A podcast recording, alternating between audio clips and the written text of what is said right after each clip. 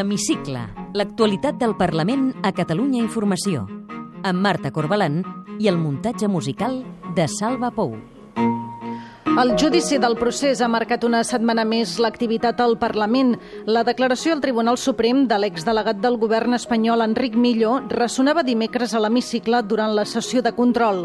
El president Quim Torra troba vergonyós que els testimonis d'aquesta setmana en el judici hagin continuat alimentant el relat de la violència. En paral·lel, el Parlament ha aprovat crear una comissió sobre la monarquia que, entre altres objectius, vol investigar el seu paper després del referèndum de l'1 d'octubre. Benvinguts a l'Hemicicle. L'Hemicicle, l'actualitat del Parlament a Catalunya Informació.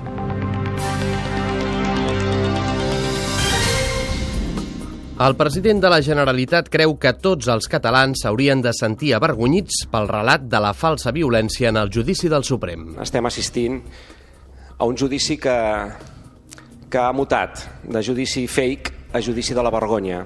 La setmana del 8 de març, el PSC i els comuns han aprofitat la sessió de control per retreure al govern que no hagi fet prou polítiques feministes i d'igualtat. Els governs independentistes han retallat el 30% dels recursos que es dedicaven abans a les dones. I en aquesta lluita que és de totes, què ha fet el seu govern, a més de posar-se de posar llaços morats a la solapa o de fer minuts de silenci? El Parlament investigarà el paper de la monarquia durant l'1 d'octubre. S'ha aprovat crear una comissió d'investigació amb el suport dels grups independentistes i els comuns.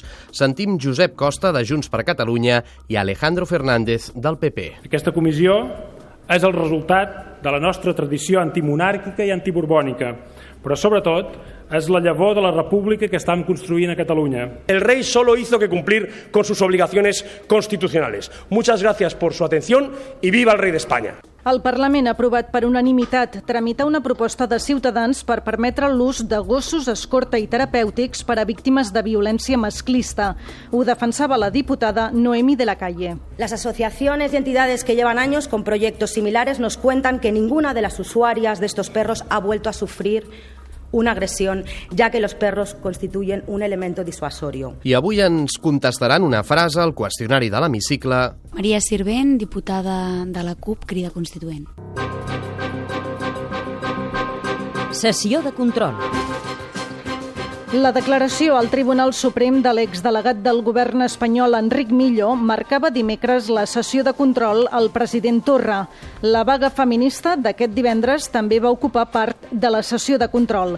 Ens ho explica el Jordi Corbalan. El president Torra troba vergonyós que els testimonis d'aquesta setmana en el judici del procés hagin continuat alimentant el relat de la violència per part de la ciutadania en els fets del 20 de setembre i l'1 d'octubre. Estem assistint a un judici que que ha mutat de judici fake a judici de la vergonya i en el que dia a dia ens endinsem encara més profundament en aquestes eh, sorres de la vergonya, on semblava impossible encara caure més baix i, i, i efectivament ho veiem. Eduard Pujol, de Junts per Catalunya, i Sergi Sabrià, d'Esquerra, van arremetre contra Enric Milló. Els covards que al judici parlen del Fairi l'haurien de fer servir per netejar-se la boca plena de falsedats guionitzades i per netejar la pròpia consciència bruta, baixa i indigna. Ahir a la sala de la vergonya del Suprem van veure el pitjor de la política, la que és capaç de gairebé tot, fins i tot de mentir sense miraments en seu judicial per intentar-se garantir un futur laboral. En vigílies del 8 de març, el PSC i els comuns van retreure al president Torra que el govern no hagi fet prou polítiques feministes i d'igualtat. Sentirem el president Torra com rebat la portaveu socialista Eva Granados i la líder parlamentària dels comuns, Jessica Albiach. Per nosaltres, parlant d'igualtat de gènere vol dir també la igualtat i el país d'oportunitats per aquest país que és el que volem i per tant en aquest punt nosaltres no farem ni un pas enrere. Cap pas enrere, president? Els governs independentistes han retallat el 30% dels recursos que es dedicaven abans a les dones. I en aquesta lluita que és de totes, què ha fet el seu govern, a més de posar-se de posar llaços morats a la solapa o de fer minuts de silenci? El popular Alejandro Fernández va denunciar que el govern hagi incomplert el seu compromís de rescatar els peatges. Ustedes han tenido ahora mismo una negociación presupuestaria con el gobierno de España. Era un buen momento para pedir ayuda en esta cuestión. No lo hicieron. No les interesan a ustedes estos temas. Pidieron un relator. I la cap de l'oposició, Inés Arrimadas, va retreure als grups que donen suport al govern que estiguin bloquejant una llei impulsada per Ciutadans contra els abusos sexuals a menors. El principal problema de las víctimas de abusos en Cataluña es la falta de coordinación entre los departamentos de la Generalitat. De eso también tiene la culpa Madrid. Señor Torra, la inacción en políticas de infancia del govern és indignante. Nosaltres treballem pel diàleg, no per presentar, i si no se'n fot eh, em permetrà que continuï. Nosaltres treballem pel diàleg, treballem per buscar consensos, treballem per trobar precisament aquestes grans majories que hi ha en aquest Parlament i en la societat catalana.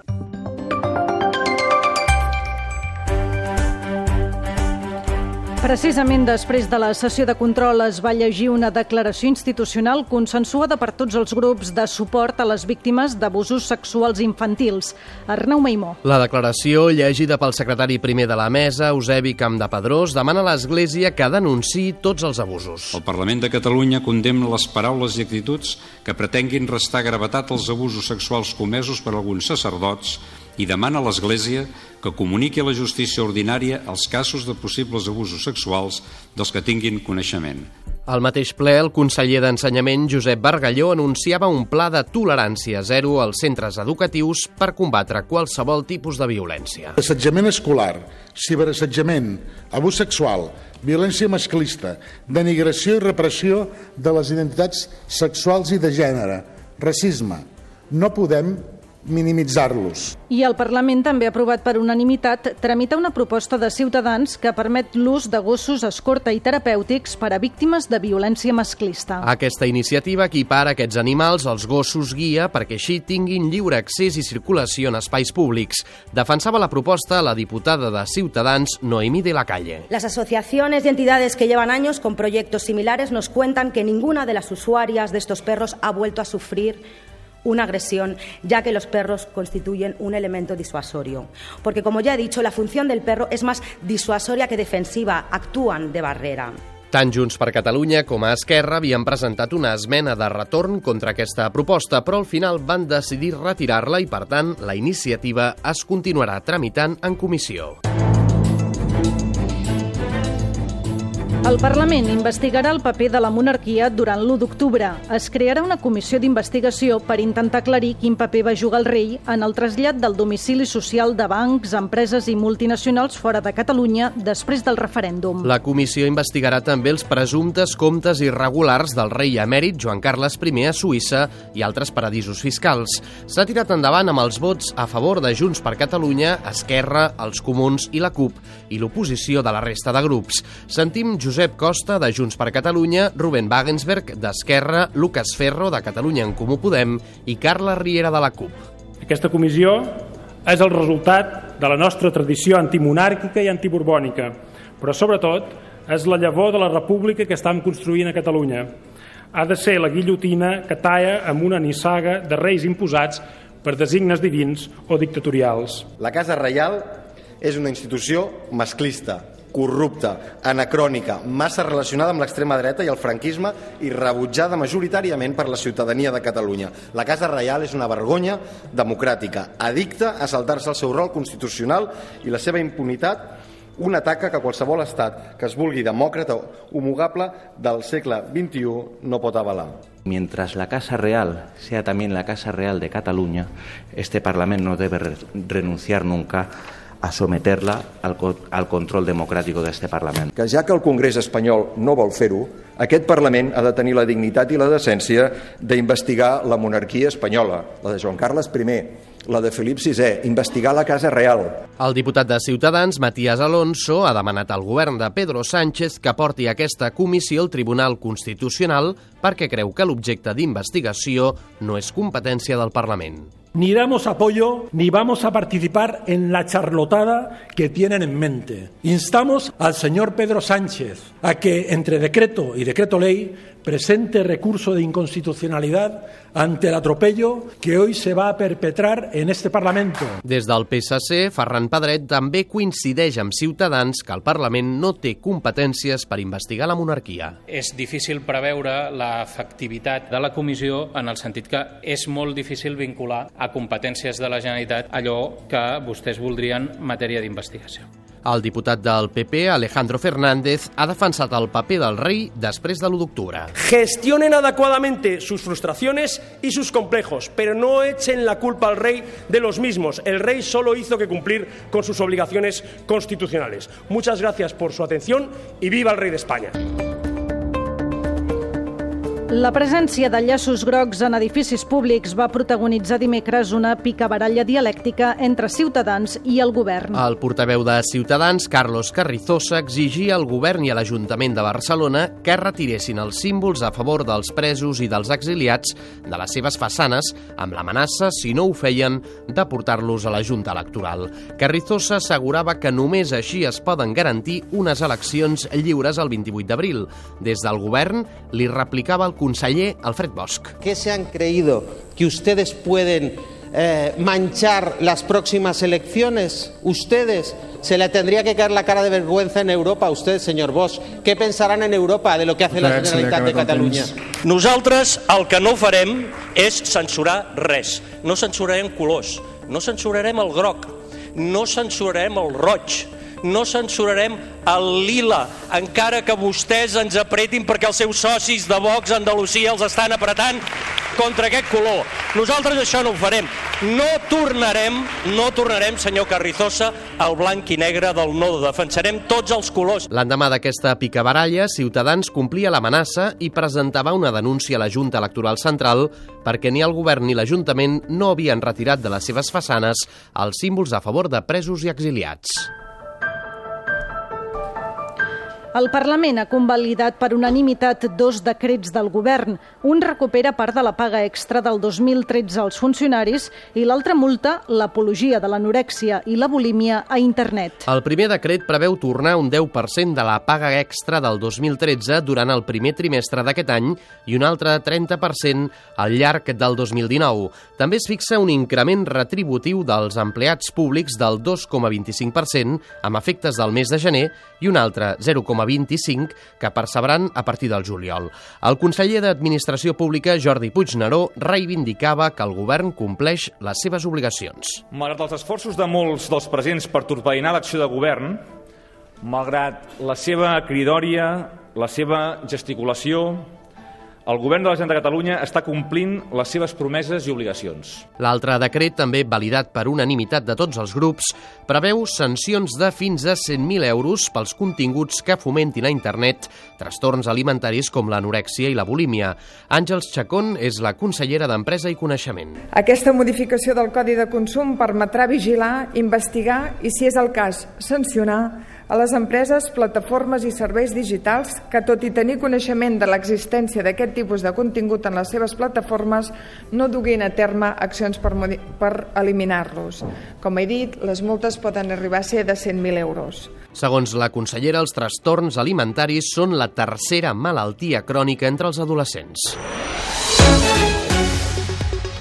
I al Parlament ja han passat altres coses aquesta setmana que repassem en format més breu. El govern vol aprovar dues noves lleis per modernitzar les legislacions de les policies, les emergències i protecció civil que tenen més de 20 anys.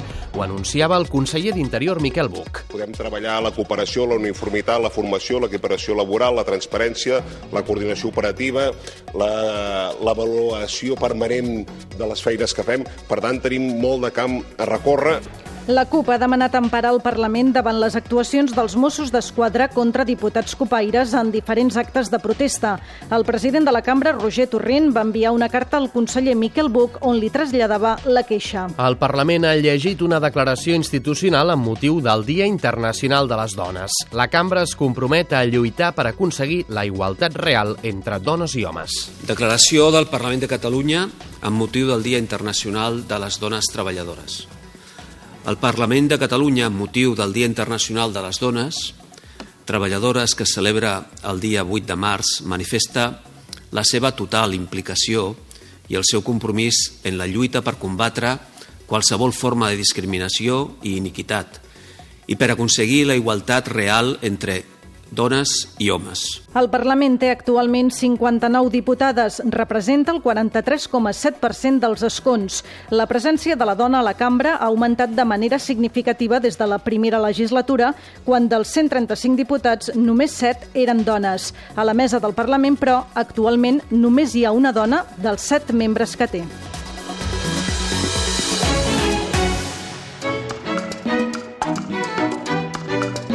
Té la paraula Maria Sirvent, diputada de la CUP, crida constituent. Està enganxada al judici que s'està fent al Tribunal Suprem? Tot el que puc, sí.